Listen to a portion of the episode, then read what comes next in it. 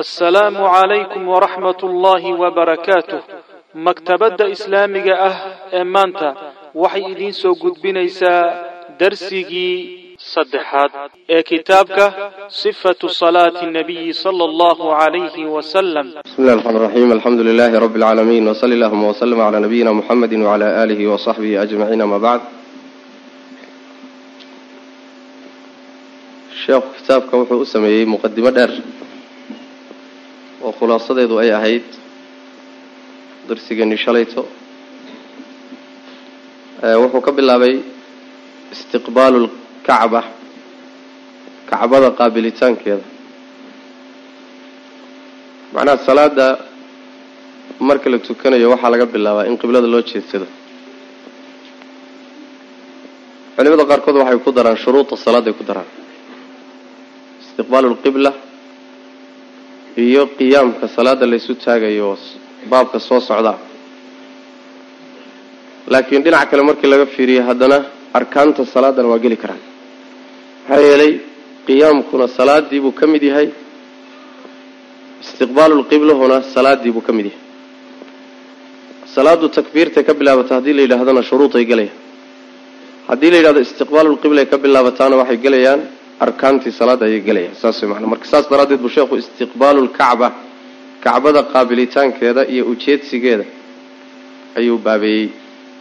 Wuxuu yidhi kaana wuxuu ahaa rasuululahi sal lay wasalam rasuulku wuxuu ahaa idaa goortii qaama uu istaago ila asalaati salaada markuu isu taago wuxuu ahaa istaqbala mid u jeedsada alkacbata kacbadu u jeedsan jira fi lfardi faradka.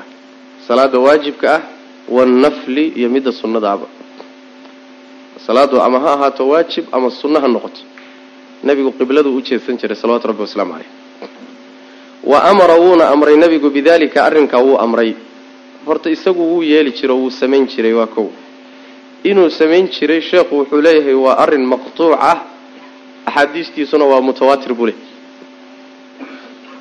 samayn uu samayn jiray keliya muusan ku gaabnayne wa amara wuu amray weliba sal lay wasalam bidalika arrinkaa wuu amray ummadda ayuu amray.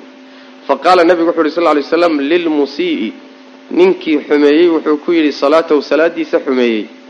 Wuxuu ninkaa ku yidhi markuu salaada barayay idaa goortii qumta aada istaagto ila asalaati salaada markaad isu taagto fa asbiq dhammaystir alwuduu'a waysada. Uma kadibna istaqbil jeedso alqiblata qiblada u jeedso oo fakabir allahu akbar dhe markaa ninkaas salaadiisa xumeey waa nin caan ah. Xadiiskiisa bukhaari iyo muslim iyo asxaabu sunan iyo masaaniid iyo kulli way ku soo arooray. Waa ninka nebigoo masaajid jooga sal lla lay slam intuu masaajidka soo galay qayb ku tukaday meel ku tukaday masaajid ka mid. Markaasuu nebiga u yimi sal lla lay wuu salaamay. Nebigu salaantiibuu ka qaaday kadibna wuxuu ku yidhi salaada ku noqo xamaada tukanina wuu soo tukaday. Haddana wuu soo noqday nebiguu salaamay sal lla lay wasalam nebigu wuxuu yidhi wacalayka asalaam salaadii ku noqo buu yidhi xamaada tukanina irjic fasalli fa innaka lam tusalli. Mar saddexaad buu haddana soo noqday sidii oo kalea lagu yidhi. Markaasaa wuxuu yidhi rasuulka ilaahayow intaasaan garanaya ee ibar salaaddii markaasuu nebigu bilaabay inuu salaaddii baro salawatu rabbi wasalaamu caleyh ninkaasaa waxaa la yidhahdaa almusii'a salaatahu. Ninka salaadiisa xumeeyey bacaan ku yahay. Meeluu ku soo noqnoqonaya marka nebiga sal lla lay wasalam salaadiibuu baray bilowgeeda laga bilaabo ilaa dhammaadkeeda. Hal ragcad buu u dhammaystiray. Markaasuu ku yidhi salaadaada inteeda kale sidaa ku samey ninkaa markuu nebigu salaada barayay sal lay waslam wuxuu ku yidhi idaa qumta ila asalaati salaada markaad isu taagto fa asbiq horta dhammaystiroo yani kaamil yeel alwuduu'a waysada si fiican u soo weysayso. Uma kadibna istaqbil jeedso alqiblata qiblada u jeedso.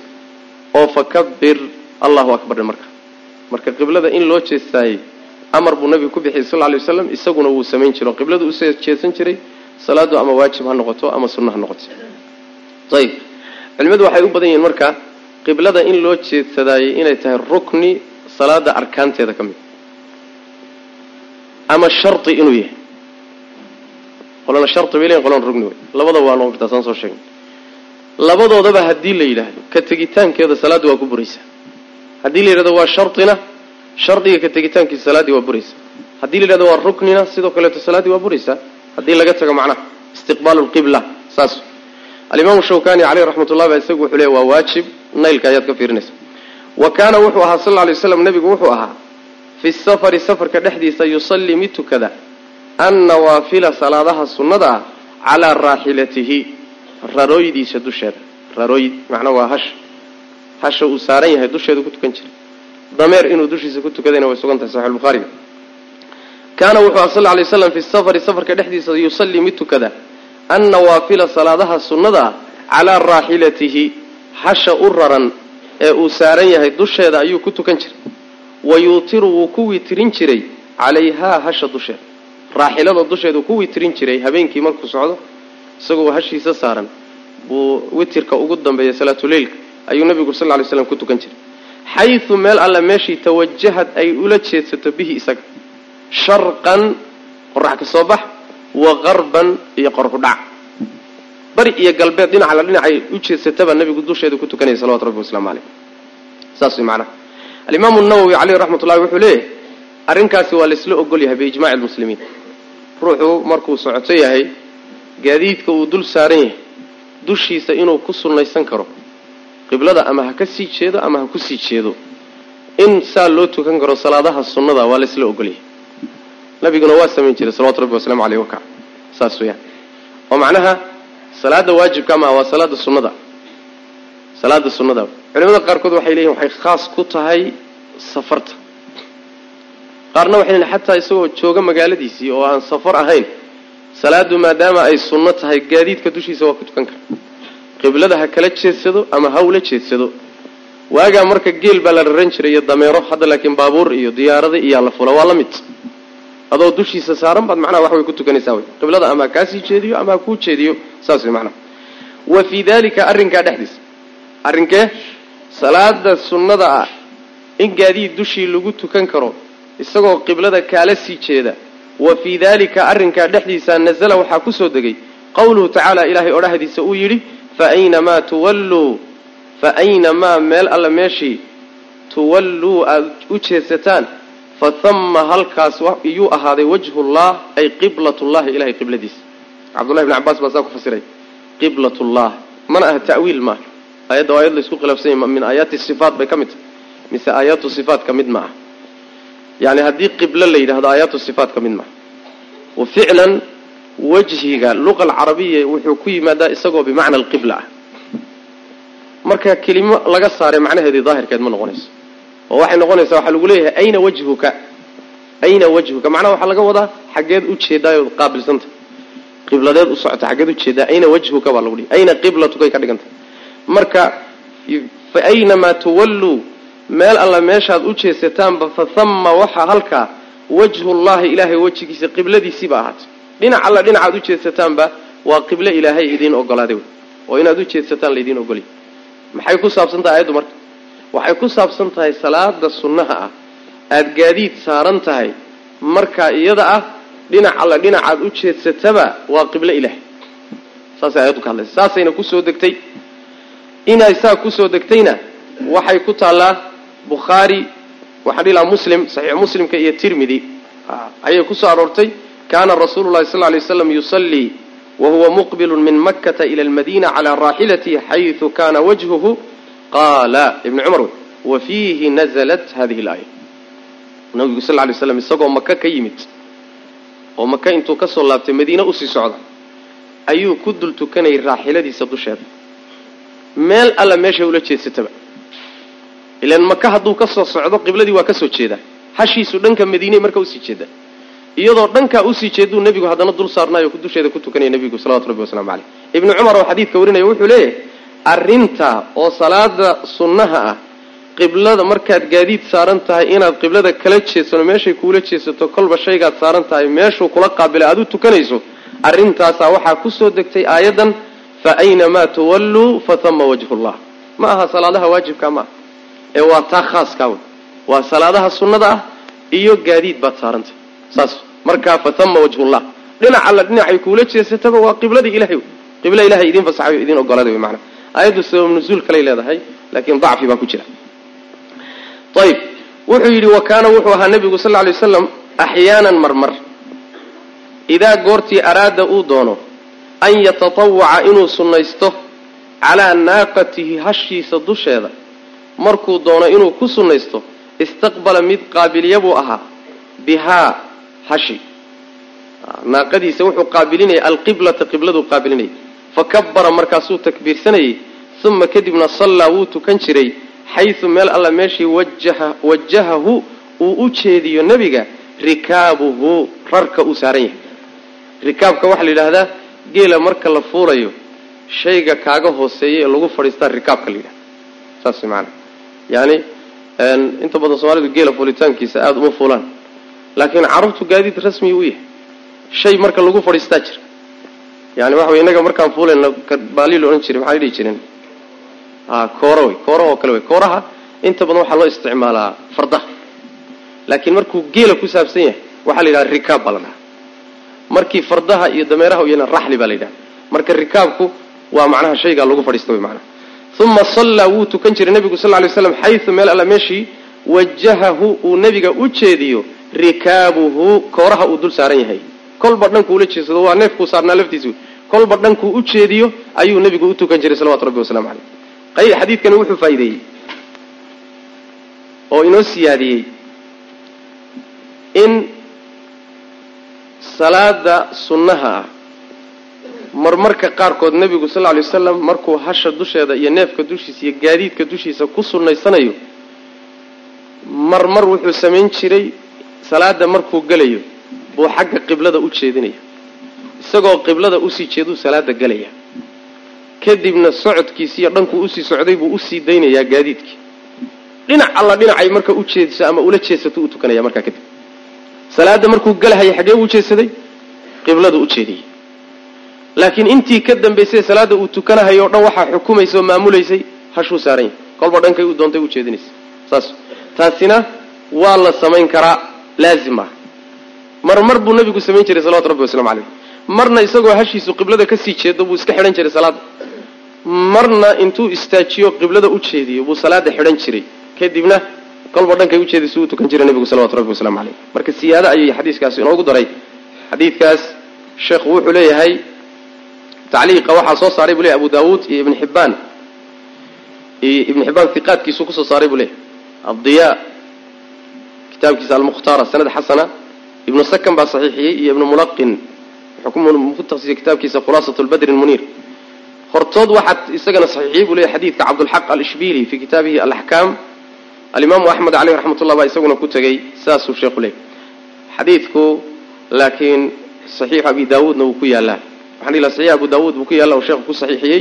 Lafdigiisuna waxa weeye ana rasuula sal lay slam kana ida saafara faaraada an yatatawaca istaqbala binaaqatihi alqibla uma sallaa xaysu wajahahu rikaabuhu xadiidka lafdigiisa waa ka wa kaana nebigu wuxu aha sal lay wasalam yarkacu mid rukuuca oo wayasjudu sujuuda calaa raaxilatihi rarooydiisa dusheeda iimaaan ishaarid bira'sihi madaxiisa uu ku ishaarayo wayajcalu wuu yeeli jiray assujuuda sujuudii akhfada buu ka yeeli jiray mid ka hoosaysa min arukuuci rukuucda ka hoosaysa su'aal buu halkaa ka jawaabaya qaybtaasi ka jawaabtay xadiiskaasi su'aashaasi waxay tahay ruuxu hadduu gaadiidkii dushiisa saaran yahay khaasatan neef geela saaran yahay ama farasba saaran yahay uma suuroobayso inuu sujuudo rukuuco see buu yeelayaa marka la keray wuu fadhiyaa wax akrintii way fududahay laakiin rukuucdii iyo sujuuddii see buu yeelaya wuxuu ina yidhi nebigu wuu rukuuci jiray oo wuu sujuudi jiray isagoo raaxiladiisa dul saaran. Laakiin rukuucdiisi iyo sujuuddiisu waxay ahayd iimaaan bira'sihi. Madaxuu ku ishaari jiray nebigu sal lay sl ishaarada waxaa laga wadaa yani waxoogaa inaad yani dhulka ma dhigi karti uma suuroobaysa inaad dhulka dhigto ama hasha lafteediiba aad ku sujuuddo ma suuroobayso laakiin waxoogaa waad yaro foorarsan. Laakiin fororsiga rukuucda iyo fororsiga sujuuddu waa inuu midka sujuuddu hooseeyo oo rukuucda wax yar baad madaxa saa u foorin sujuuddana waad ka hoos mari waa saas. Sujuuddana waad ka hoos mari saasuu nabigu samayn jiray salawatu rabbi waslamu aleyh saasuu u tukan jiray. Xadiidkan waxaa soo saaray axmed iyo tirmidi baa soo saaray. Waxaa kaloo isaguna soo saaray alimaam abu daawuud caleyh raxmatullahi baa soo saaray. Sheekhuna saxiix abu daawuudka ayuu ku saxiixiyey. Ishaarada qeybta ku saabsan weliba saxiixulbukhaari baa soo saaray. Waxaan ujeeda bukhaari baa soo saaray.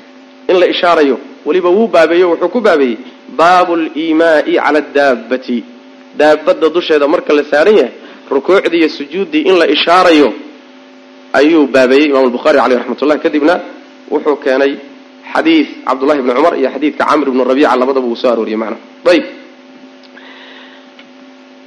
wa kaana wuxuu ahaa nebigu sal lay waslam idaa goortii araada uu doono an yusalliya inuu tukado alfariidata salaada waajibka ah hadduu damco inuu tukado nazala mid dega ayuu ahaa fastaqbala markaasuu u jeedsan jiray alqiblata qibladu u jeedsan jiray. Gaadiidkiisii buu saaran yahay. Dushiisuu ku sunnaysanayaa baan soo nidhi. Dhankay ula jeedsataba. Laakiin hadduu isagoo gaadiidka dul saaran damco inuu salaad waajiba tukado raaxilada dusheeda muuta ku tukan jirina wuu soo degi jiray dhulku u degi jiray nebigu sal lay slm salaadaha waajibka kadibna qibladuu nebiga u jeesan jiray salawatu rabbi waslamu caleyh ayib halkaa waxaan macnaha waxa wey waxaan ka fahmaynaa. Salaada qiblada salaada waajibka ah iyada waa in dhulka lagu tukado. Waa in gaadiidka uu ruuxu ka dego. Rukuucdeedii iyo sujuuddeedii dhammaystiro. Qibladana uu u jeedsado. Salaada sunnaha wey midda sidaa hore la ogolyahay raaxilada dusheeda lagu tukan lagu tukan karo. Saas wey macnaha xadiidkan waxaa wariyay bukhaari iyo axmed muslimna wuu soo saaray sidoo kale. Riwaayada cabdullahi bn cumar waxay leedahay hayra annahu laa yusallii calayha almaktuuba. Nebigu sal ly slam raaxilada dusheeda muusan salaada waajibkaa ku tukan jirin. Riwaayada jaabirna waxay leedahay bukhaari soo saaray faidaa araada an yusalliya almaktuubata nazla fastaqbala alqibla. Salaada waajibkaa markuu damco nebigu inuu tukado wuu degi jiroo raaxilada waa ka degi jiray kadibna qibladuu nebigu u jeedsan jiray salawaatu rabbi wasalaamu caleyh saas way macnaha imaamu nawowi wuxuu leeyahay waa laysla ogol yahay inaan daabadda dusheeda salaada waajibkaa lagu tukan karin qibladana inaan laga jeedsan karaynin oo qiblada in loo jeedsado ay laazim tahay waa mas'alo ijmac oo laysla ogol yahay buu yihi imaamu nawowi caleyh raxmatullah kitaabkiisa sharxu muslim. Wa kaana nebigu wuxu sal lay slam idaa araada markuu damco an yusalliya inuu tukado alfariidata salaada waajibka ah nazala mid dega ayuu ahaa oo daabadda ka dega ama raaxilada fastaqbala wuxuu u jeedsan jiray alqiblata qibladu u jeedsan jiray. Intaa khulaasadeedu waxa weeye salaada nebigu qibladu u jeedsan jiray salaadu ama sunno ha noqoto ama waajib ha noqoto. Salaadu hadday sunno tahay gaadiid dushiisana uu ku tukanayo kolba dhankay ula jeesato uu tukan jiray. Hadduu dhulka ku tukanayana qibladuu qaabili jiray way macnaha. Marmarna salaada sunnaha markuu gelayo daabadda dusheeda ama raaxilada dusheeda qibladuu u jeedin jiray markaasuu xidhan jiray. Markuu daabadda dusheeda ku tukanayana rukuucdiiyo sujuudda wuu ishaari jiray salaada waajibka laakiin dhulkuu u degi jiray qibladana wuu qaabili jiray. Intaan hadda soo marnay khulaasadeedu waa inta. Ayib wa amaa fii salaati alkhawfi shadiid. Halkan wuxuu ka gelayaa salaadii waajibka ahayd oo laba xaalo laba xaalo ama saddex xaaloba saddex xaalo qibladii dhankeedii dhinacan inta loo tukaday haddana sax ah.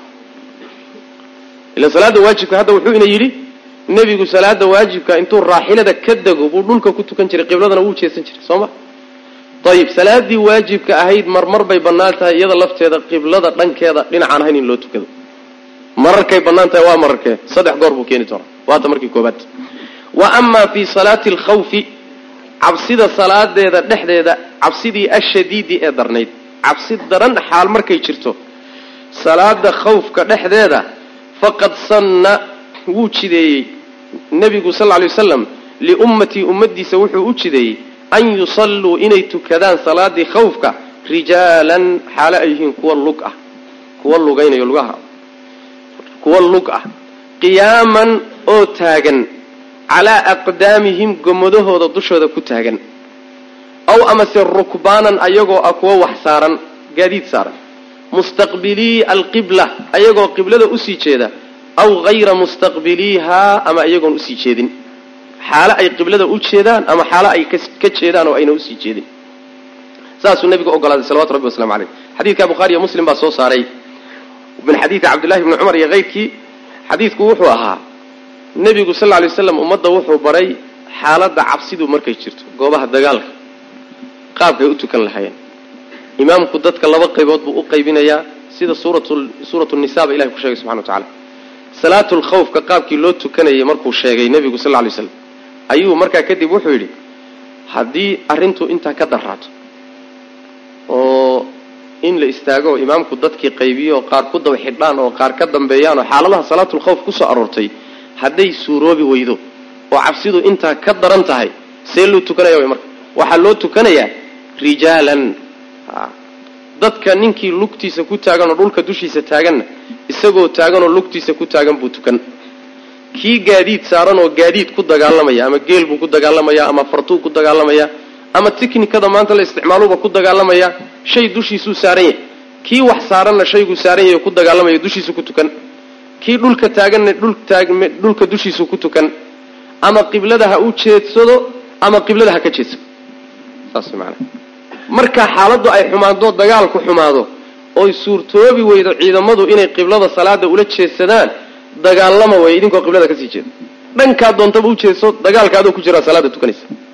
Saas weyaan adoo dagaalamaya baad haddana tukan see loo tukan waaba la yaabe rag baaba la ishayaaye miyaa la sujuudi karaa la rukuuci kara maya qaab kalea loo dhigi doonaa. Si kaloo waxaa lagu siinayaa dagaalkiina aad u geli haddana macnaa adoo dagaalamaya ad u tukan karto macna ayib wa ama fi salaati alkhawfi shadiidi salaada cabsida cabsida daran salaadeeda dhexdeeda faqad sana nabiyu nabigu waa jideeyey sal lay slam liummatii ummadiisa wuxuu u jideeyey an yusalluu inay tukadaan. Rijaalan xaale ay yihiin kuwo taagtaagan. Rijaalan waa lugta. Rijaalan waa jamcu rajilin. Jamcu rajil. Rajilka waxa la yhahdaa midka lugaynaya. Afantrimiya ciidanka lugta. Lugtaa la yidhahdaa rajil. Jamceedu waa rijaal waxay isla jamc yihiin rajul oo ninka. Ah ninka markii la jamcinaya isaguna soo rijaal kuma yimaado isku mid maal mufradkay ku kala tegaya tanna mufradkeedu waa rajil tanna mufradkeedu waa rajul. Marka rijaalan idinkoo rag ama ah ha u qaadanay saas idinkoo rag ah dhin rijaalan adigoo idinka oo lugaynaya oo macnaha waxa weeye yani lug ah. Qiyaaman baa sii fasirtay. Qiyaaman oo taagtaagan calaa aqdaamihim gomadahooda dushooda ku taagan aw rukbaanan waa cagsiga rijaalanta wey aw rukbaanan ama iyagoo wax saaran oo gaadiidkay ku dagaalamayeen saaran mustaqbilii alqibla xaalo ay yihiin qiblada kuwa u jeeda aw hayra mustaqbiliihaa ama xaalo ay yihiin kuwa aan u jeedin. Kuwa ujeeda qayrkood xaalo ay yihiin oo kuwa ka sii jeeday markaa noqonaysaa macnaha ayib wa qaala wuxuu yihi nabigu sal lay slam muslim ibn abi shayba waxay soo saareen yuumiu iimaaan. Riwaayadan dambana sii cadaynaysa wa qaala nabigu wuxu yhi sal lay waslam ida ikhtalatuu markay isdhex galaan ciidamadu oo ciidamadii gaaladiiyo muslimiintu ay isdhex galaan dagaalkuna socdo. Fa inamaa huwa isagu sha'nigu waxa weeyaan altakbiiru allahu akbar iyo walishaaratu ishaaro bira'si madaxa lagu ishaaro. Salaaddii intaasayba noqotayba dagaal baa lagu jiraa waa la isdhex galay lama kala socna ilaan mar baa hadda waagii hore seef iyo warmaa lagu dagaalami jiray oo ciidamadu marka dambe dagaalku markuu bilowdo wixii ka dambeeya waa la isdhex geli jiray. Laakiin hadda madaafiic iyo macnaha waxa wey xabadun baa meel fog layskaga tuuri. Haddii marka ay suroobi weydo in loo tukado qaabkii yani waxa weeye jamaaca jamaacadahay hal imaam in lagu xidho si alla siday u suroobi kartaa loo tukanaya. Laakiin salaad waktigeedii laga saarayo la dibdhigayo ma jirto. Dagaal baan ku jiray oo janis baan salaaddii u waayay ma jirto. Saas. Waa inaad tukato waktiga waa inuusan ku dhaafin seed u tukan. Allahu akbar iyo ishaaron baad uga bixi. Allahu akbar wixii aad akrin lahayd waad akrin adoo ordahayoo dagaalamayaad akrin kadibna wixii rukuuc iyo sujuud ahaa madaxa unbaad ka tilmaamay ishaaro unbaad bixin. Madaxa saa u foorari saadhe wax yar haddana ka hoos mari. Rukuucdii madaxa ishaar sujuuddiina wax yar ka hoos mari.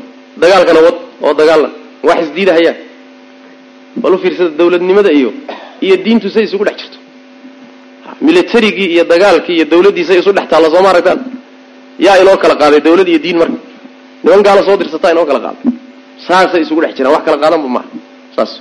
Marka nabigu wuxu yhi sal lay slam ida ikhtalatuu fainamaa huwa takbiiru allahu akbar weeye salaadii walishaaratu iyo tilmaamid bira'si madaxa lagu ishaaro. In madaxa lagu ishaaro bayhaqi baa soo saaray bisanadi saxiix. Saxiixaynka macnaha sanad sanadkooda mid la mida. Bisanadi saxiixayn ayuu ku soo saaray wa kaana wuxuu ahaa nabigu sal lay waslam yaquulu mid yidhaah. Saas. Marka xaaladda iyada haddii aan la ogolanin salaaddii in la dibdhigo oo waktigeedii laga dibdhigo oo la dhihi waayey maadaama aada dagaal ku jirtaan waajib qaran baad gudanaysaane dib baad ka tukan doontaan waad qallayn doontaan haddii la dhihi waayo bal ka warran ruuxa caadigaee salaaddii isagoo wax dhiba aan haysanin odhanaya dib baan ka tukan doonaa cishahan shantii salaadood buu tukan doonaa. Soomaalida dhaqankeedu waa noocaas. Dad badan baa dhaqankoodu noocay maantao dhan waa iska shaqaysana waa iska shaqaysana. Wuxuu kuleeyahy may cishaha markaan tago un baan isu geyn doonaa afartii sano ama saddexdii sano. Waxba ka socon maayo waxaas. Wax ka soconaya ma jiro. Ilahay abuurtay. Saas way macana ayib wa kaana nebigu wuxu sal lay waslam yaquulu mid yidhahda maa bayna almashriqi waalmagribi qibla. Maa bayna almashriqi qorax ka soo bax iyo waalmaqribi qorax udhac inta u dhaxaysaay qiblatun qiblo weeyaan buu nebi uri sal lay waslam xadiidkaas waxaa soo saaray tirmidi ibnu maajah xaakim tirmidi iyo xaakimna way saxiixiyeen. Sheekh alalbani caleyh raxmat ullah irwa lhaliilka wuxuu ku leeyahay saxiixun biuruqihi duruq badan uu leeyahay buu xadiidku saxiix ku noqonay. Maa bayna almashriqi waalmaqribi qibla? Qorax ka soo bax iyo qorax udhac inta udhaxaysaay waa qiblo. Macnaheedu waxa weeye ma haddaad joogto kacbada agteeda joogto oy kacbadii kuu muuqato wejigaaga waa inaad kacbada ku aadiso haddaad kacbada ka fog tahay sida hadda inagu aynu nahay oo kaleeto. Jihada aad ka jirto kacbada labada jihe ee labada dhinac ka kala xiga inta u dhaxaysaa qiblo ku ah inagu dhankeen ka xignaa koonfur baan ka xignaa soo ma? Wixii u dhaxeeya bari iyo galbeed u dhaxeeya ayaa wuxuu inoo yahay qiblo inoo ah soo ma?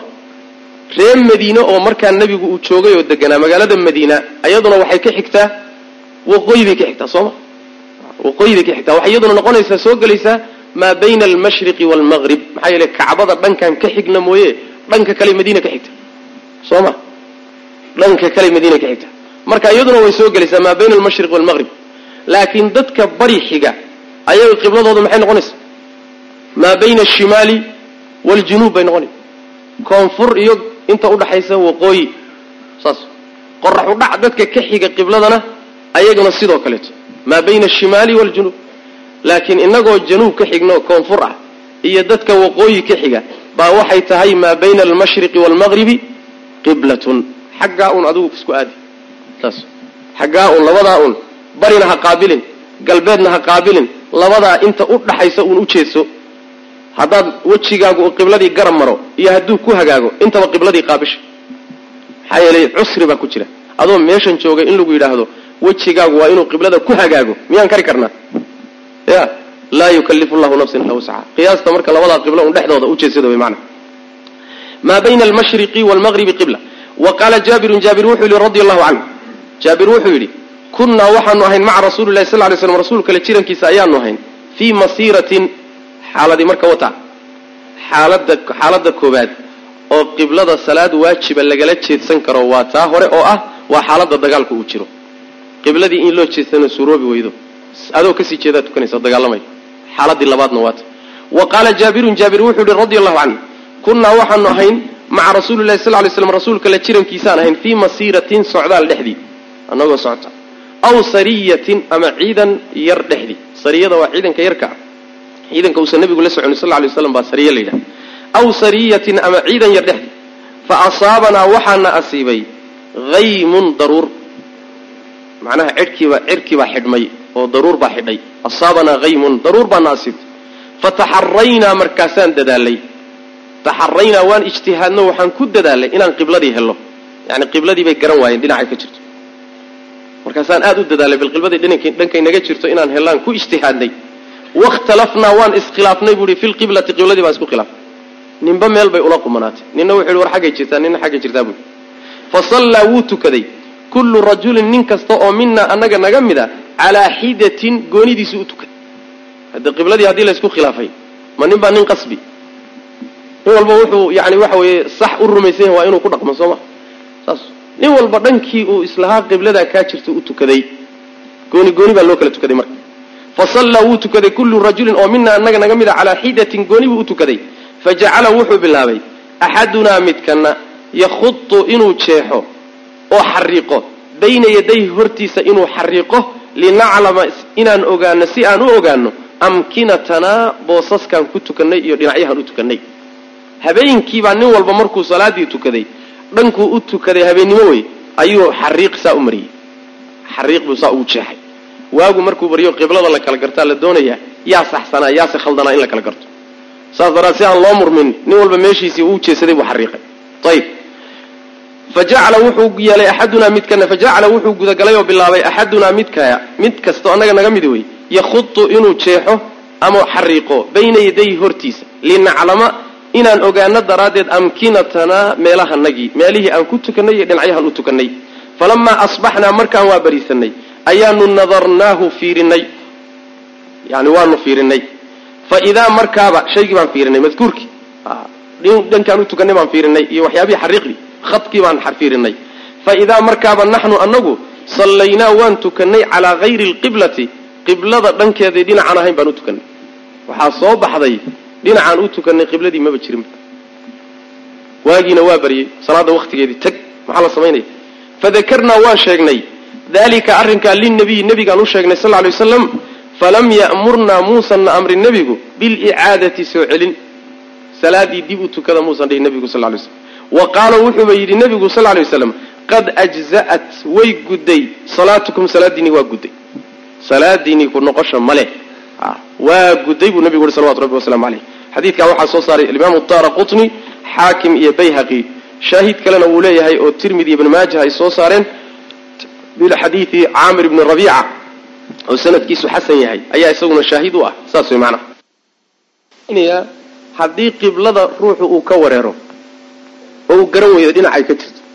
Waxaa looga baahan yahay inuu ijtihaado fiirfiiriyo qiyaaso wax isu geeyo.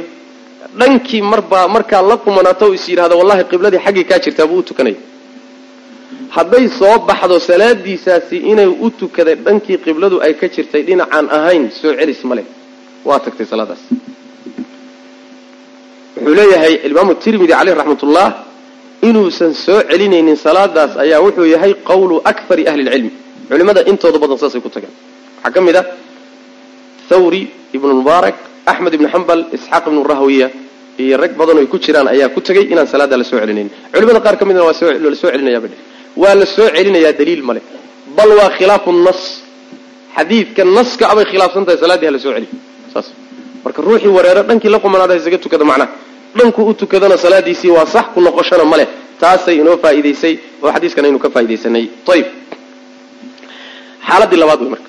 Xaaladda labaad waxay ku saabsantaho salaada waajibka ah qiblada dhankeeda dhinacaan ahayn loo tukan karo waxay ku saabsan tahay ruuxii wareero qiblada garan waayey. Xaaladii saddexaad waata wa kaana wuxuu ahaa nebigu sal ly slam yusallii mid tukada naxwa bayt lmaqdis baytlmaqdis xaggeedu u tukan jiray walxaal alkacbatu kacbaduna bayna yadayhi ay hortiisa tahay qabla an tanzila intaysan soo degin haadihi laayatu aayaddani intaysan soo degin qad naraa taqaluba wajhika fi samaa falanuwalliyannaka qiblatan tardaaha fawalli wajhaka shatra almasjid alxaraam aayaddani intaysan soo degin waa intuu nebigu joogay magaalada maka ilan makuu joogay kadibna waa kii ka hijrooday makuu joogay intuu maka joogay aayaddanina ayna soo degin oo qiblada lagu bedelayo. Nebigu baytlmaqdis buu u jeesan jiray. Laakiin baytlmaqdis markuu u jeesanayo kacbadana hortiisuu yeeli jiray. Wa kaana nebigu wuxu sal lay slam yusallii mid tukada naxwa baytlmaqdis baytlmaqdis xaggiisa ayuu tukan jiray oo qaabili jiray. Waalkacbatu walxaal alkacbatu kacbaduna bayna yadayhi ay hortiisa tahay. Say hortiisa ku noqon kartaa kacbadu. Macnaha waxa weeye baytlmaqdis dhankuu kacbada ka jiro mooyaane dhanka kaluu kacbada ka istaagi jiray nebigu sal lay slam markaasuu hal mar wuxuu u wada jeesanayaa kacbada iyo iyo baytlmaqdis u wada jeesanaya saas. Kacbadiina waa hortiisa wuxuuna u jeedaa isla markaa baytlmaqdis dhankiisa u sii jeeda. Saas way macnaha qabla an tanzila intaysan soo degin haadihi laayatu aayaddan intaysan soo degin qad naraa xaqiiqee waan aragnay waan aragnaa taqaluba wajhika wejigaaga gadgadoonkiisa nebi maxamedow fi samaa'i xagga saro dhexdeeda uu ku gadgadoomayo. Falanuwalliyannaka waanu ku jeedinoo waanu ku jeedin qiblatan qiblo ayaanu kuu jeedinaynaa qibladaasoo tardaahaa aada raalli ku tahay aada jecesha fawalli jeedi marka waa la jeediy waa hadda la jeedinaya fawalli jeedi baa layidhi wajhaka wejigaaga jeedi shatra almasjidi masaajidka dhankiisa u jeedi masaajidkii alxaraami ee xurmada lahaa. Masaajidka xurmada leh xaggiisa u jeedi wejigaaga nebigaa wuxuu ahaa salawaatu rabbi wasalaamu calayh baytlmaqdis buu u sii jeesan jiray laakiin haddana wuxuu jeclaa. Markuu magaalada madiine tegey maka intuu joogay way u suuroobaysay inuu kacbada intuu hortiisa ka dhigo baytlmaqdisna u jeedsado markuu magaalada madiine tegay waa suuroobi weyday inuu kacbada hortiisa yeelo. Soo ma? Ilan markaa baytulmaqdis unbuu ujeesan karaa. Maka waa ka soo tegay baytulmaqdis buu marka u jeesanayay nebigu sal lay waslam muddo macnaha yani toddobiyo toban ama lix iyo toban bilood ah buu baytulmaqdis nebiga u sii jeesanayay sal lay slam wuxuu jeclaa muddadaas in loo jeediyo kacbada. Qibladii aabihii ibraahim calayhi salaam in loo jeediyo ayuu nebigu jeclaan jiray salawatu rabbi waslamu caleyh tiibaa markaa aayaddu ay ka hadlaysaayo waan ku aragnaa inaad jeceshahay in lagu jeediyo jeedsaa la yidhi saas way macnaha ayib falamaa nazalat markay soo degtay aayaddu ayaa istaqbala nebigu wuu qaabilay alkacbata kacbaduu qaabilo u jeedsaday. Fa baynamaa waqti annaasu dadku biquba masaajidka quba ay ku sugan yihiin fii salaati subxi salaada subax dhexdeeda ayagoo masaajidka quba jooga dadku salaaddii subaxnana tukanaya id markaasaa jaa'ahum waxaa u yimid aatin mid imaanaya nin socdaa u yimid. Dadkii salaada subaxay ku jiraan. Ayib fa qaala markaasaa wuxuu yidhi ina rasuula allahi sal ly slam rasuul alle qad unzila waa la dejiyey. Calayhi dushiisa alleylata xalay waxaa lagu soo dejiyey qur'aanun qur'aan baa lagu soo dejiyey. Xalay nebi maxamed qur'aan baa ku soo degay dadow.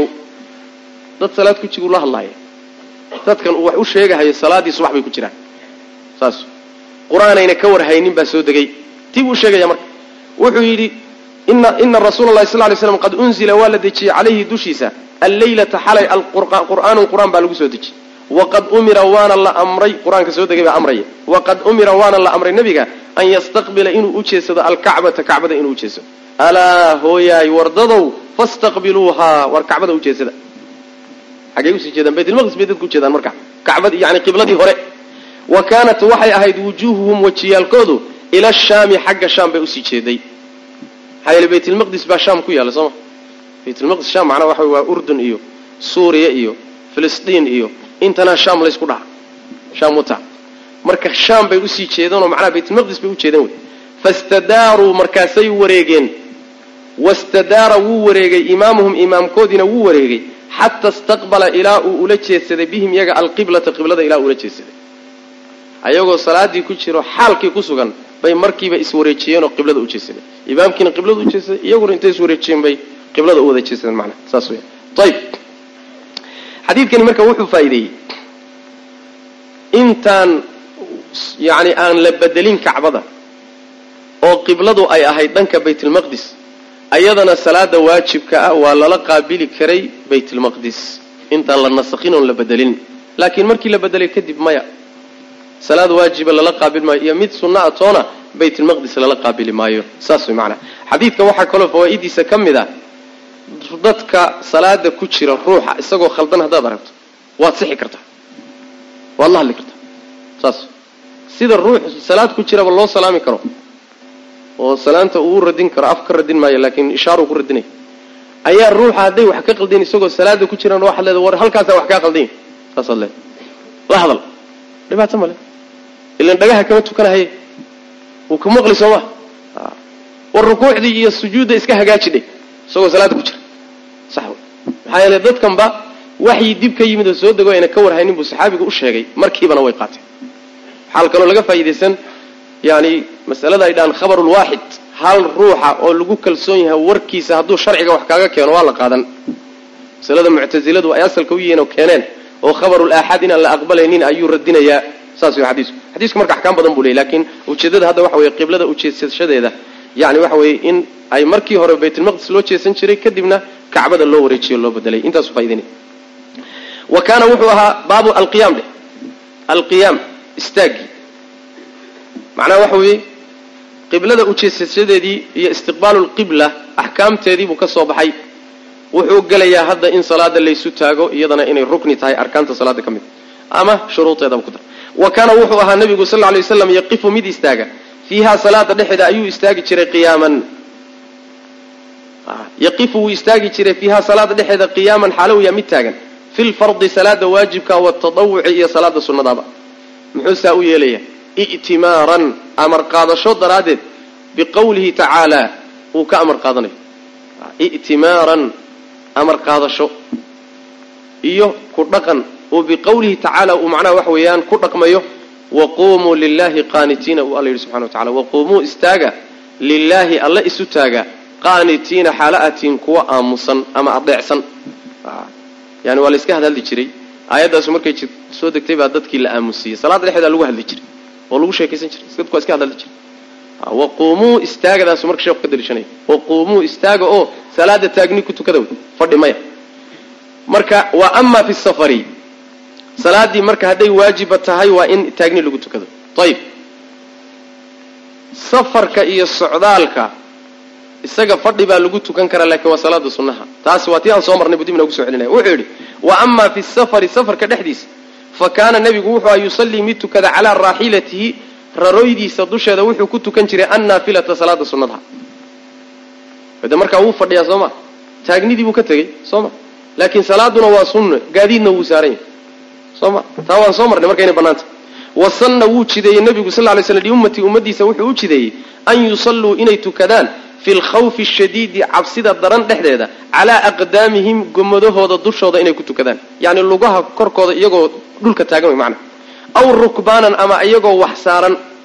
Calaa aqdaamihim xaalo ay gomadahooda dushooda ku sugan yihiin aw rukbaanan xaalo ay yihiin kuwa gaadiid saaran oo wax saaran inay tukadaan ayuu nebigu u jideeyey sal lay slam kamaa taqadama sidii soo hormaray. Sidii soo hormartayoo baabkii hadda kan ka horrey aan ku soo marnay. Macnaheed waxa weeye hadda meeshan wuxuu ugu soo celiyey markii hore wuxuu u daliishanayey salaada qiblada adoo ka sii jeeda markii dagaalka lagu jiro cabsidu daran tahay adoo qiblada ka sii jeeda in la tukan karo. Salaada waajibka soo ma? Haddana wuxuu halkan u keenay salaada waajibka ah dagaalka markaad ku jirto hadday ka fursan weydo adoo gaadiidkaaga dushiisa ku fadhiyoon taagnayn inaad tukan karto. Ilaan markii horena qibluu ka hadlaya haddana muxuu ka hadlayaa? Taagnidii buu ka hadlaya salaada in laysu taago. Labadaa goorba dagaalka xaaladiisa waa ka baxaysa. oo ninka ama tiknikada ku dagaalamaya ama gaadiidka ku dagaalgelaya isagoo gaadiidkiisa ku fadhiyoon taagnayn ayuu tukanaya taagnidii baa laga dhaafay macnaha saas. Kamaa taqadama sida soo hormartay wadalika kaasina. Qawluhu tacaala dalika kaas daliilkiisa wey qawluhu tacaala ilahay odhahdiisa wey uu yidhi xaafiduu cala asalawaati salaadaha xifdiya wasalaati iyo salaadii alwustaa ee ugu dhexaysay ama ugu fadli badnayd waa la dhihi karaa alwustaa salaada ugu dhaxaysaay taana xifdiya. Shanta salaadood bay ka mid tahay.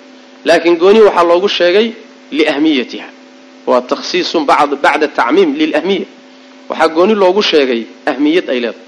Salaadaasi tee weye cala araajix waa salaada casr saas axaadiid baana ku cad.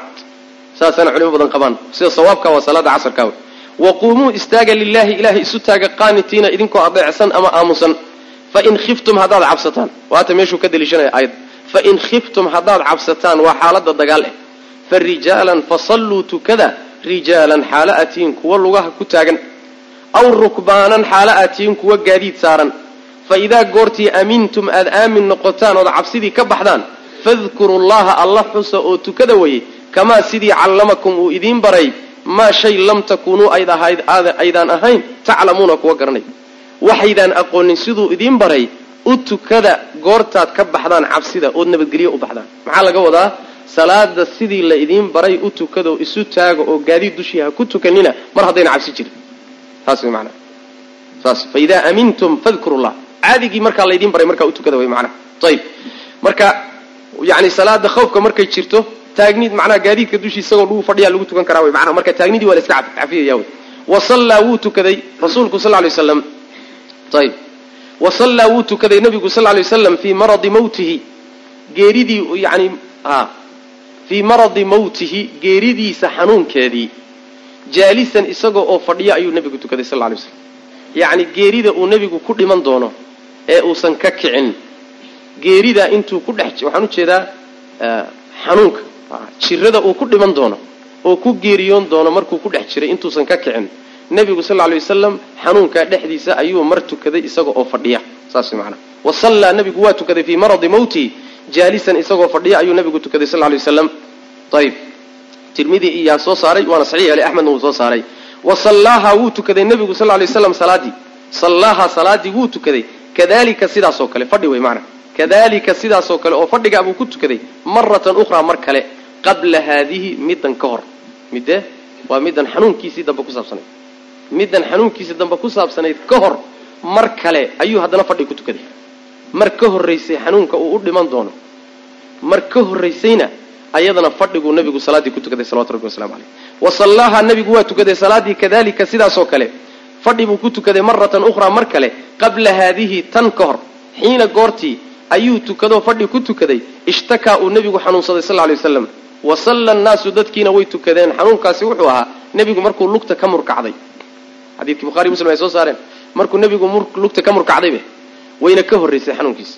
Wuu kici waayey kadibna fadhiguu nebigu ku tukaday sal lay slam ishtakaa markuu nebigu xanuunsaday oo wasalla annaasa dadkii wuu tujiyey.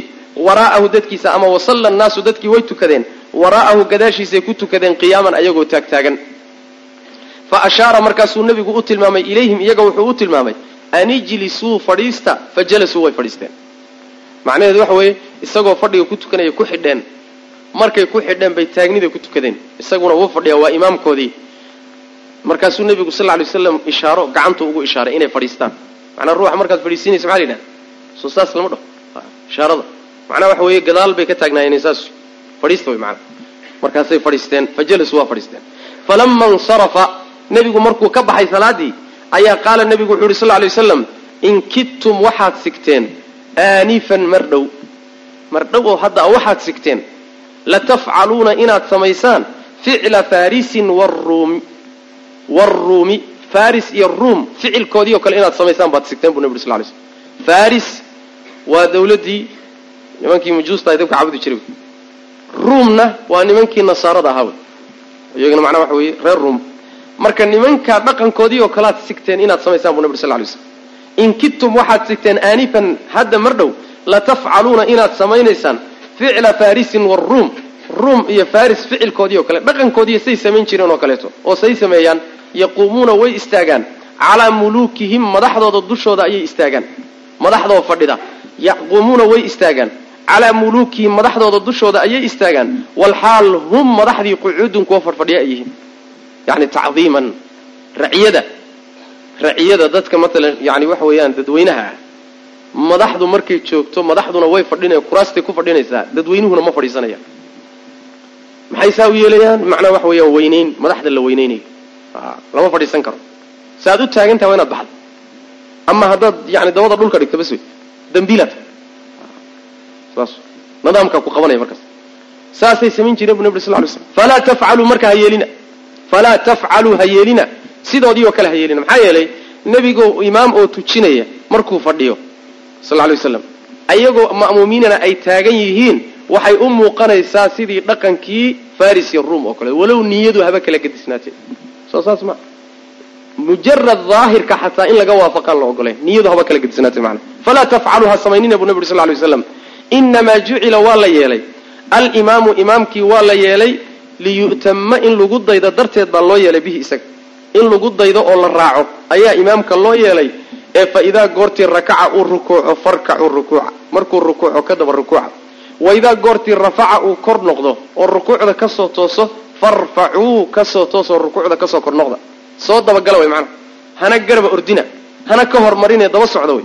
Wa idaa goortii sallaa uu tukada imaamkiinu jaalisan isagoo fadhiya fa salluu tukada juluusan idinkoo fadhiya ajmacuuna xaalad idishiin ajmacuuna dhammaantiin. Fasalluu tukada juluusan idinkoo fadhiya ajmacuuna dhammaantiin. Macnaheedu waxa weeye yani haddii imaamkaagu fadhi ku tukado fadhi ku tukada.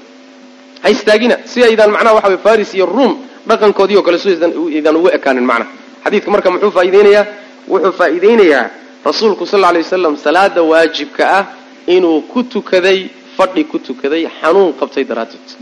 Laba goor xanuunkuu ku geeriyooday markuu ku jirayna fadhi buu ku tukaday. Ka horna mar uu lugta ka murkacday oo xanuunsadayna fadhi buu ku tukaday. Ruuxa haddii uu xanuun qabto oo istaagi kari waayo salaada waajibkaa istaaggeedii waa laga cafiyaya fadhigaad ku tukan kartaa marka.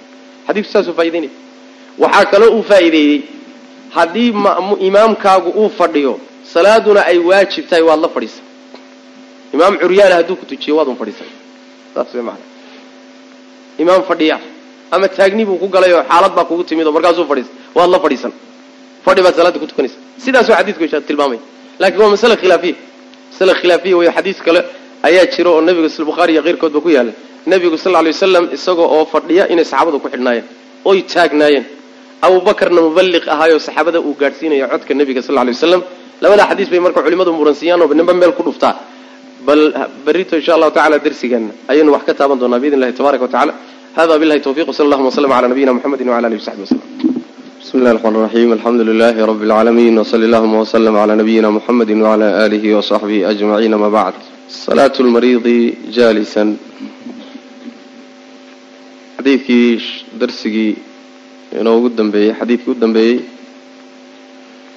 waidaa sallaa jaalisan fasalluu juluusan ajmacuun nebigu yihi sal lay waslam imaamku hadduu fadhi ku tukado tukada idinkoo fadhiya oo macnaha la fadhiista xadiidkaas waxaa ka dambeeyey xadiidkii bukhaari iyo muslimba ku soo arooray ee nebigu sal alla lay wasalam xanuunka uu ku geeriyoon doono abubakr sidiiq radia allahu canhu oo dadka tujinaya inta garbaha la soo qabtay nebiga sal alla lay wasalam ayaa dhanka bidixda laga soo fadhiisiiyey salaada nebigaa tujinayay saxaabada wixii intaa ka dambeeyey abubakarna dadka ayuu gaadhsiinayay codka nebiga sal alla lay wasalam oo muballiq buu ahaa. Xadiidkaa marka waxaa ka muuqda inuu nebigoo fadhiya dadku ay ku daba tukanayeen iyagoo taagan. Qisadaasina waxay dhacday xanuunka nebigu uu ku geeriyoon doono salawaatu rabbi wasalaamu caleyh xanuunkaa dhexdiisay dhacday labada tanna waxay ahayd middan la fadhiista uu leeyahay xanuunkiisii ka horreeyey oo ahaa markuu nebigu lugta ka murkacday. Marka tana horraysay culimmadu markaa laba siba waa la maraa ama laba dariiqba waa la maraa. Dariiqa koobaad waxay leeyihiin waa la nasakhay xadiidkan odhanaya fadhiista. Oo waxaa nasakhay xadiidkaa ka dambeeyey. Dariiqada waa dariiqada uu marayo alimaamu shaafici iyo sheekhiisii xumaydi abu xaniifa iyo awsaaci iyo maraya oo waxay leeyihiin xadiidkani waa mansuukh. Waxaa ka fiican labada xadiid in la jamciyo oo meelay isugu imaan karaan macna ay isugu imaan karaan la sameeyo. Waxaana jamciyey alimaamu axmed caleyhi raxmatullah.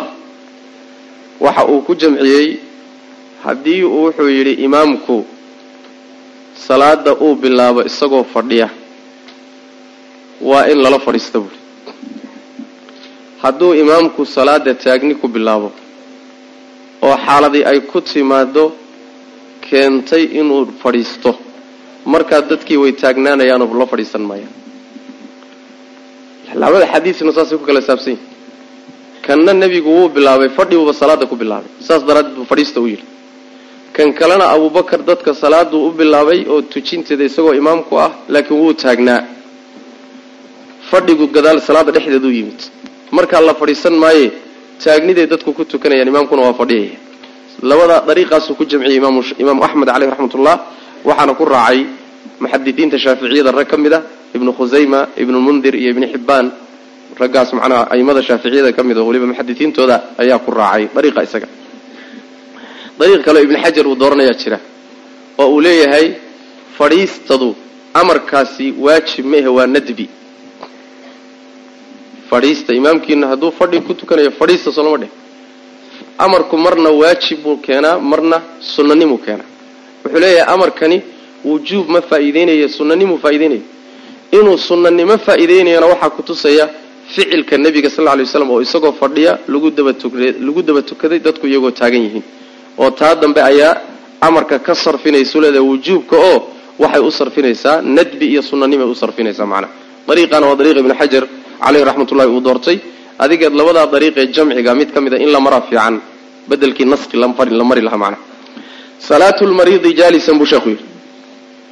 Salaatu lmariidi ruuxii jiranaa salaadiis jaalisan xaalo uu yahay mid fadhiya uu tukado. Macnaha waxaan ka hadlaynay ruknigii ahaa istaagga salaada in taagni lagu tukado waxay taagnidu ka dhacaysaa oo taagnida loo ogol yahay inuu fadhiisto. Saan horeyba u soo sheegnay ruuxa safarta ah oo gaadiid saaran waa loo ogol yahay. Ruuxa xanuunsanayana waa loo ogol yahay.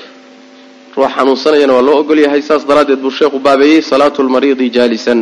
Wa qaala cimraan bnu xusein wuxuu yidhi radia allahu canhu kaanat waxaa ahayd buu ihi bi aniga waxaa igu sugnayd bawaasiiru bawaasiir baa igu sugnayd fa sa'altu waan weydiiyey buuhi rasuula llahi sal ly slam ayaan weydiiyey. Bawaasiirtu waa baabasiirka wey cudurkan yani dabada gala. Ayaa macnaha waxa weeyaan waa jamcu baasuura. Saas jamcu baasuur dhe jamcu baasuur weye waramun fii batini lmaqcada wey yani meesha lagu fadhiisto salkeeda gudaheeda xanuun ah wey macnaha ayib waa adugu macnaha baabasiirka wuxuu yidhi kaanat waxaa ahayd bi aniga bawaasiiru ayaa ahayd baabasiir fasa'altu waan weydiiyey rasuula llahi sal lay wasalam faqaala nabigu wuxu uhi sal lay waslam salli tuko qaa'iman adoo taagan tuko. Fain lam tastadic haddaadan karin faqaacidan fasalli tuko qaacidan adoo fadhiya. Fain lam tastadic haddaadan awoodin facalaa janbin fasalli tuko calaa janbin dhinaca xaalo aad ku sugantay. Adoo dhinaca u yaallo dhinaca u jiifa saasuu nabigu yuri sal lay waslam xadiidkaas waxaa wariyey. Alimaam albukhaari abu daawuud iyo axmed iyo keyrkood ayaa wariyey. Ayb marka tuka adoo fadhiya adoo taagan haddaad kari weydo fadhigaad ku tuka. Haddaad kari weydo adoo dhinaca u jiifaad tukanaysa. Markaad fadhiga markaad dhinaca u jiifto macnaha waxa weeye sujuudiiyo rukuucdii hadday suuroobi kartana waa inaad la timaado haddaad kari weydana saan soo marnayba ishaaraad yani waxa way ku tukanaysa. Tuumiu iimaaan saan soo marnay manaa saasaad ohanaysa ayb culimmadu say u badan yihiin. Waxay leeyihiin yani hadda waxaa la yidhi fain lam tastadic haddaadan karin. Hadduu ruuxu kari karo mashaqo iyo dhibaato si dhibaata ay ku jirta uu ku awoodi karo iyadana waa loo ogolaya inuu ruksada qaato. Yani waad istaagi kartaa laakiin dhib bay kugu tahay iyo rafaad.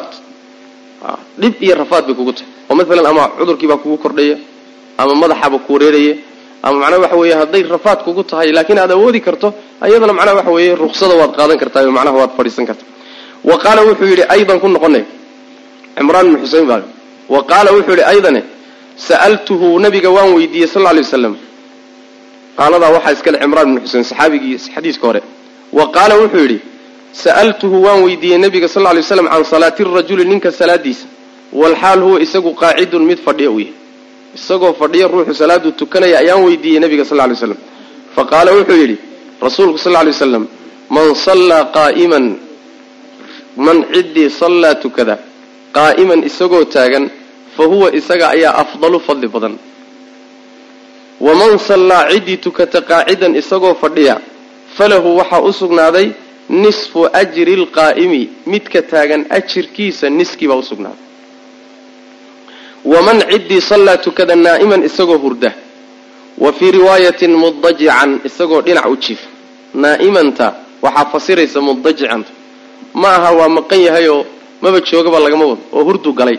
Nin hurdama tukadee ee naa'imanta waxaa laga wadaa bimacnaa mudajican dhinac buu u yaallaa macnaha dhinac buu u jiifaa laakiin waa soo jeedaa ninkii waman sallaa ciddii tukada naa'iman isagoo jiifoo dhinac u jiifa wa fii riwaayatin mudajican dhinac u yaalla falahu waxaa u sugnaaday nisfu ajrilqaacidi midka fadhiga ku tukanaya ajirkiisa niskii buu leeyahy macnaheedu waxa weeye ruuxa taagni ku tukadaay salaad dhamaystiran buu leeyahy fadhi hadduu ku tukado ajirkii midka taagan uu helayay niskii buu leeyahy hadduu dhinac isagoo u yaallo dhinac u jiifo tukado kaa fadhiga ku tukaday ajirkii uu helayay niskii buu leeyahy saas way macnaa macnaha mar walbaoo aada ruksada sii qaadatood hoosu sii degtaba ajirku waa isa sii dhimayaa. Xadiidkaa isagana bukhaari iyo abu daawuud iyo axmed baa soo saaray walmuraadu buu sheekhu yidhi marka yaa laga wadaa. Ruuxan haddii uu dhinac isagoo u jiifo tukado ajirkiisu isdhimayo hadduu fadhi ku tukadana ka roon yahay. Hadduu taagni ku tukadana ajirkiisu dhammaystiran yahay keewey ma kii salaada sunnada aad tukanayeybaa mise salaaddii waajibkahayd baa laga wada sheekhaasii fasiray. Wuxuu yidhi walmuraadu ka loola jeedo bihi isaga. Madkuurka aan soo sheegnay midka loola jeedaaye almariidu walmuraadu ka loola jeedo bihi isaga almariidu wey mariidka xanuunsanaya wey man sallaa qaa'iman fa huwa afdal xadiidka ka loola jeedaaye almariidu ruuxa xanuunsanaya wey oo jiran. Maxaa yeelay faqad qaala wuxuu yidhi anasun anas wuxuu yidhi radia allahu canhu anas ibnu maalik wuxuu yidhi kharaja wuu baxay rasuululahi sal ly waslam nebiga ayaa baxay calaa naasin dad dushoodu ku soo baxay walxaal hum iyagu yusalluuna iyagoo tukanaya qucuudan iyagoo fadhfadhiya min maradin xanuun darti. Jiro daraaddeed iyagoo la fadhiya. Fadhigaana ku tukanaya ayuu nebigu ku soo baxay sal lay waslam fa qaala nebigu wuxuu yhi sal lay waslam ina salaata alqaacidi midka fadhiya salaadiisu cala nisfi nis bay ahaatay. Min salaati alqaa'imi midka taagan salaadiisa niskeed bay ahaatay macnaha. Xadiidkaas axmed iyo ibnu maaja baa soo saaray sanad saxiixa ayayna ku wariyeen. Macnaheedu waxa weeye xadiisku wuxuu ahaa nebigu sal ly waslam magaalada madiina markuu yimid ayaa waxaa dhacday dadka way qandhadeen. Haaliban markaad intaad meel ka tagto meel kala tagto. Dadka waxaa ku dhaca cudur la yidhahdo cudurgaltiyeed ama meahe yani daltabyo macnaheed waxa weye markay madiine tageen bay ku xanuunsadeen. Magaalada madiinana way kanaaco badnayd oo yani maleeriyadeedaa badnayd. Markay xanuunsadeen baa qaar ka mid oo nebigu wuxuu ku soo baxay xanuunkii la kicla oo fadhiga ku tukanay. Markaasaa nebigu sal ly waslam hadalkan yidhi. Saas way manaa ina salaata alqaacidi cala nisfi min salaati alqaa'im. Saas way manaa alimaamu alkhaaabi caleyh raxmat ullahi wuxuu leeyahay xadiidka cimraan waxaa laga wadaa ruuxa salaada waajibkaa tukanaya laakiin ay u suuroobi karto inuu taagni ku tukado laakiin taagnidu dhibayso macnaheedu waxa weeye taagni inuu ku tukado wuu kari karaa. Salaadduu tukanayo waa salaad waajiba. Taagni inuu ku tukadana wuu awoodi karaa. Laakiin way dhibaysaa. Hadduu intuu isdhibo uu taagnidii ku tukado ajir dhammaystiran buu leeyahay.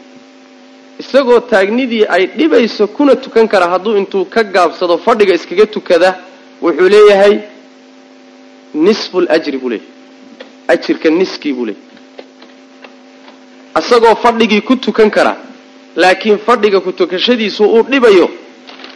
Haddii intuu ka gaabsado uu dhinac isagoo u yaallo jiifo uu tukadaayey kii fadhiyey niski ajirkiisa niskii buu leeyahay marka salaada laga hadlaya ma aha buu leeyahay salaad sunna ma aha waa salaadii waajibka ahayd. Waxa la kala fadilayana waxa weeye ruuxii taagni buu ku tukan karaa waa dhibaysaa maca almashaqa assalaamu calaykum waraxmat ullaahi wabarakaatuh maktabadda islaamiga ah ee maanta waxay idiin soo gudbinaysaa darsigii saddexaad ee kitaabka sifatu salaati nabiyi sala allahu calayhi wasalam